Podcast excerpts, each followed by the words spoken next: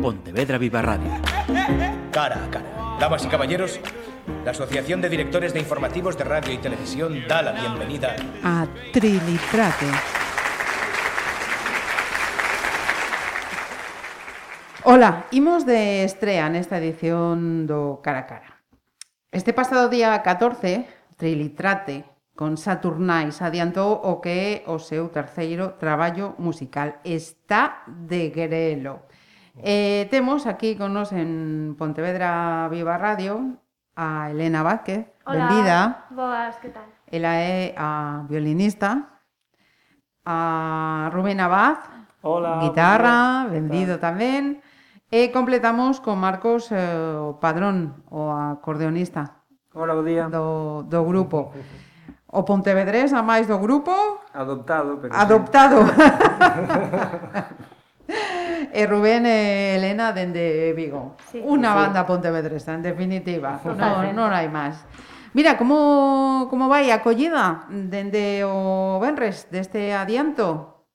Pois eu creo que está funcionando moi ben, eh, creo que a xente lle está a gustar, que, bueno, que eu creo que en xeral a xente tiña moitas ganas de, de escoitar música nova despois desta cuarentena na que hubo tan poucas estreas e creo que están sendo ben recibidos casi todas as propostas musicais tamén. Mm. E imos falar de, dese de matiz que acaba de, de sinalar eh, Rubén e polo que estou a, a recoller nestes, último, nestes últimos meses eh, tamén. Eh, Trilitrate están seguen a innovar coa música acústica O anterior traballo é do 2016. Eh, cinco anos despois estamos a falar de Está de Grelo.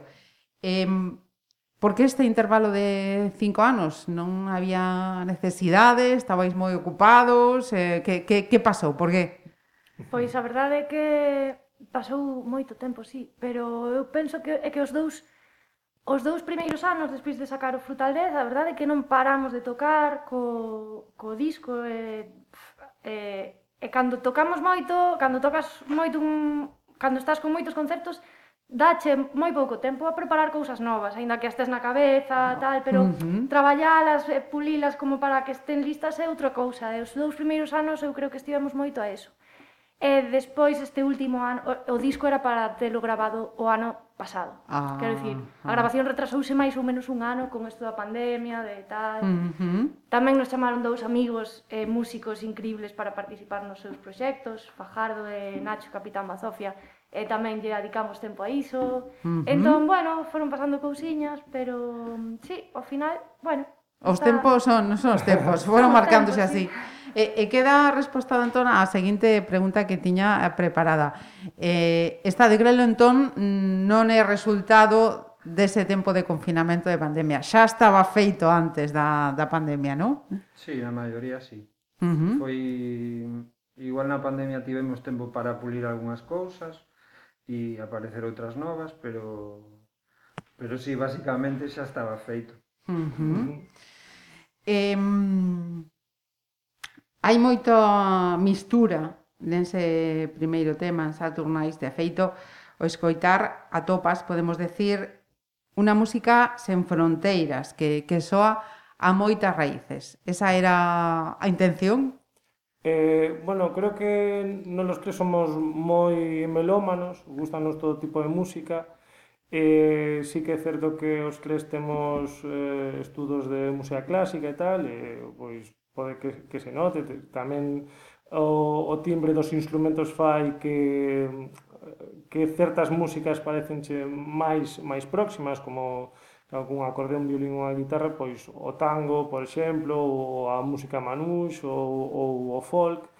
Pero, bueno, nós non, nunca pensamos nun estilo de música en concreto e, e o resultado da, da, de, estar, de Grelo é é a mestura de todas as músicas que escoitamos que, que son todas, o sea, dende hip hop hasta electrónica, hasta black metal, eh, por suposto, pois sí, pois folk, eh, músicas do mundo e eh, música clásica. Ajá. Eh, para situar a quen este eh, a escoitar, que escoita Rubén, por exemplo? Eu? Sí.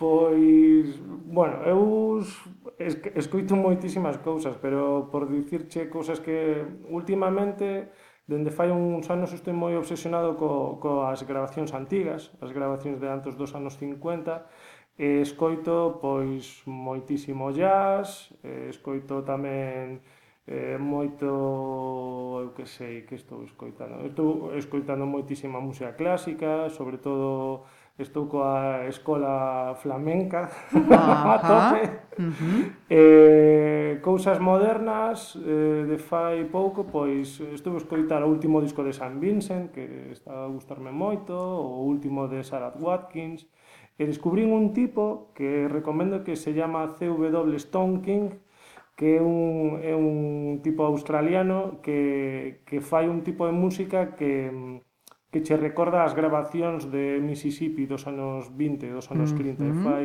de feito un tipo de grabación parecida. Uh -huh. E Marcos, que estás coitar últimamente?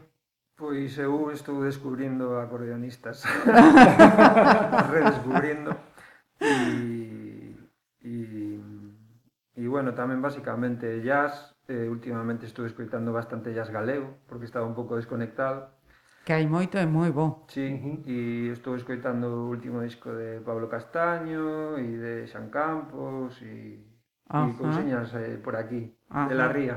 Ajá. Son da ría. Elena?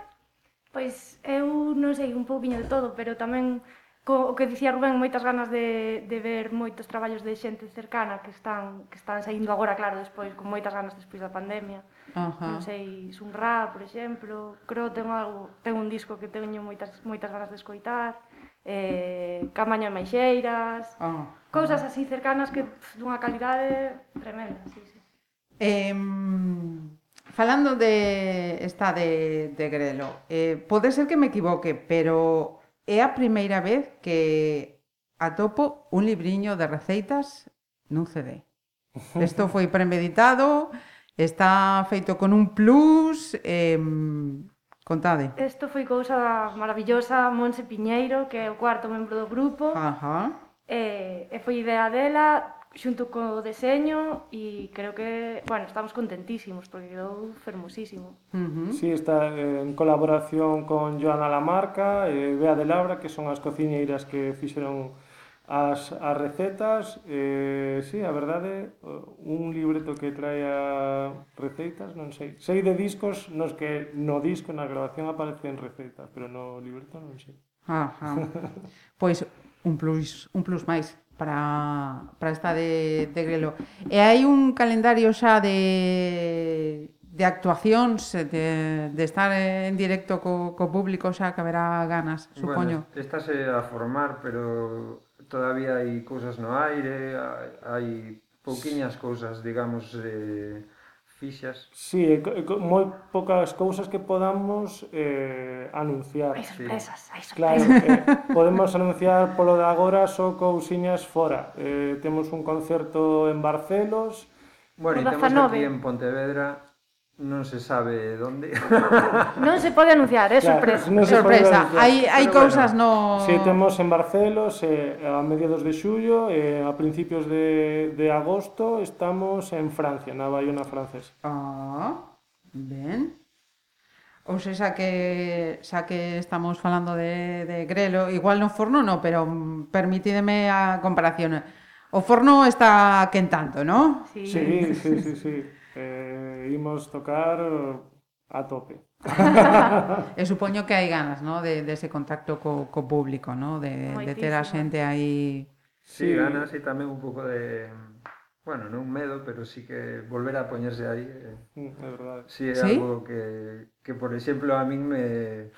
Dios, me dan ganas xa de ir, pero por eso, porque non estou habituado e creo que vou a necesitar uns unhos un período de adaptación. De, de, de, sí, de que ah. sí. sí, non é fácil Ajá. estar parado un ano mm. con apenas concertos, eso, buah, Uh -huh. É difícil. O claro, de isto é ter concertos todos os fines de semana eh, e, e xa o terceiro xa uh -huh. o, o disfrutas moitísimo, non? pero, pero o bueno. sea que isto, isto non é como coller a bici, no? Que, que nunca se esquece, no? Mm... sí, os discos de trilitrates soen ser bastante exigentes musicalmente, pa, por lo menos para mí sí. e, e sí que necesito esa tranquilidade que de que as cousas eh, funcionen ben xa, e bueno, Ajá. fai falta un poquinho de... Uh -huh. De, de rodar. De comezar, sí, como sí, sí. Claro, porque dende que comezou a, a, a pandemia, pois tocamos, pero foi con contagotas. Puntualmente. E, e claro, non, sí. non deu tempo a, a rodalo. Ajá. Pero fíjate, estades a falar de Barcelos, Portugal, de Francia, eh, están pillando a, a deanteira, ¿no? Están adiantados no, no tempo ou que, que está pasando? Sí, realmente estes bolos, er, estes concertos iba, iban iban ser o de Barcelos íbamoslo facer xusto antes da pandemia, tivo uh que aplazarse Co de Francia pasounos un pouquiño parecido. Eh, o de Francia foi porque fomos hai un par de anos a un festival, a dous festivales alí e encantoulles e volveronnos chamar. Uh -huh. Entón, bueno, están aí tan pronto se poida, pois xa queren que volvamos. O bo que ten isto de non ser en directo é que podemos facer algunhas eh, pequeniñas eh, trampas. Eles fixeron unha precisión que vou introducir aquí en relación co concerto de Francia. Uh -huh. Contanos eh, o porqué desa intervención e da vinculación co cine. Sí. Que decíais? Eh, pois hai dous anos tocamos na Baiona Francesa eh, a través dunha asociación cultural que chamase Catach, eh, tocamos en medio do, dun bosque que foi moi fermoso e tal. Eh, esta xente interesouse moito pola nosa música, eles eh, neste tempo produxeron un, un documental sobre un puebleciño que está na fronteira entre Chile e Argentina, un documental precioso, eh, chamaronos para facer a banda sonora. Eh, banda sonora que non está incluída no, no disco, que é unha cousa que publicaremos, eh, supoño que en setembro, unha cousa así. Entón, eh, o concerto este que imos facer en Francia a principios de, de agosto, o 6 de agosto, se non, se non me trabuco, eh, a través desta asociación cultural para, para o, o estreno do, do documental que se vai chamar Uemules, un documental precioso, eh, espero que teñedes a oportunidade de velo pronto cando, cando este estreado. Pois eh, decía o comenzo, imos de estrea, imos de estreas, non, non só do disco, senón tamén avance dese documental. Pois eh, moita, moita sorte. Moitas gracias. Mentres, eh, para aqueles que queran ter esta de grelo, onde como mercalo? Pois... Veña, promoción. Por suposto. O máis sinxelo creo que é a través da nosa web, que é www.trilitrate.com, eh, o podes encargar aí, ou tamén a compra digital, Eh, se non tendas físicas, polo de agora, en, en Vigo. Está en Honky Tonk, eh, estará en... No Tinta Negra, tamén, sí. de Vigo. Uh -huh. E no Teatro Ensayo. No Teatro Ensayo tamén se pode sí. Ajá. Sí, pero bueno, a través da tenda para calquer sí. parte. Ajá, o sea, entrando na, na web, aí está sí. o, o contacto, e senón tamén vincularemos o Bandcamp, que tamén está está sinalado. Eh, Como veis nas fotografías que fixo a nosa compañeira Mónica Pachot, eh, están en Pontevedra Viva cos seus eh, instrumentos, así que temos que rematar cunha interpretación aquí dende o estudio que mm. imos escoitar. Pois, pois nos... Perdón, non. No, no. eh, creo que vamos a escoitar o primeiro tema do disco que Ajá. se chama Saturnais. Uh -huh. Creo que sí, non? Sí, sí, sí. sí. Veña. Por certo, antes de matar, Saturnais de, de onde ven? Eh, bueno, Saturnais eran as festas rachadas que facían os romanos. Ajá. Así Mira, que ves poco... que ben quedo yo de inculta. Sí, señor. Mi, me, o meu avó decía que non é tonto o que preguntas, senón o que quedas en saber as cousas por non preguntar. Eso. O sea, é que mira. Algo máis. Pois eh, van preparar, van a axustar os eh, instrumentos e rematamos este cara a cara con ese Saturnais. Elena, Marcos Rubén, moitísimas grazas, moitísimas, moitísima, bueno, moitísima sorte e moitos concertos. Sí, sí, moitas gracias. Moitísimas gracias a, gracias a ti, un placer.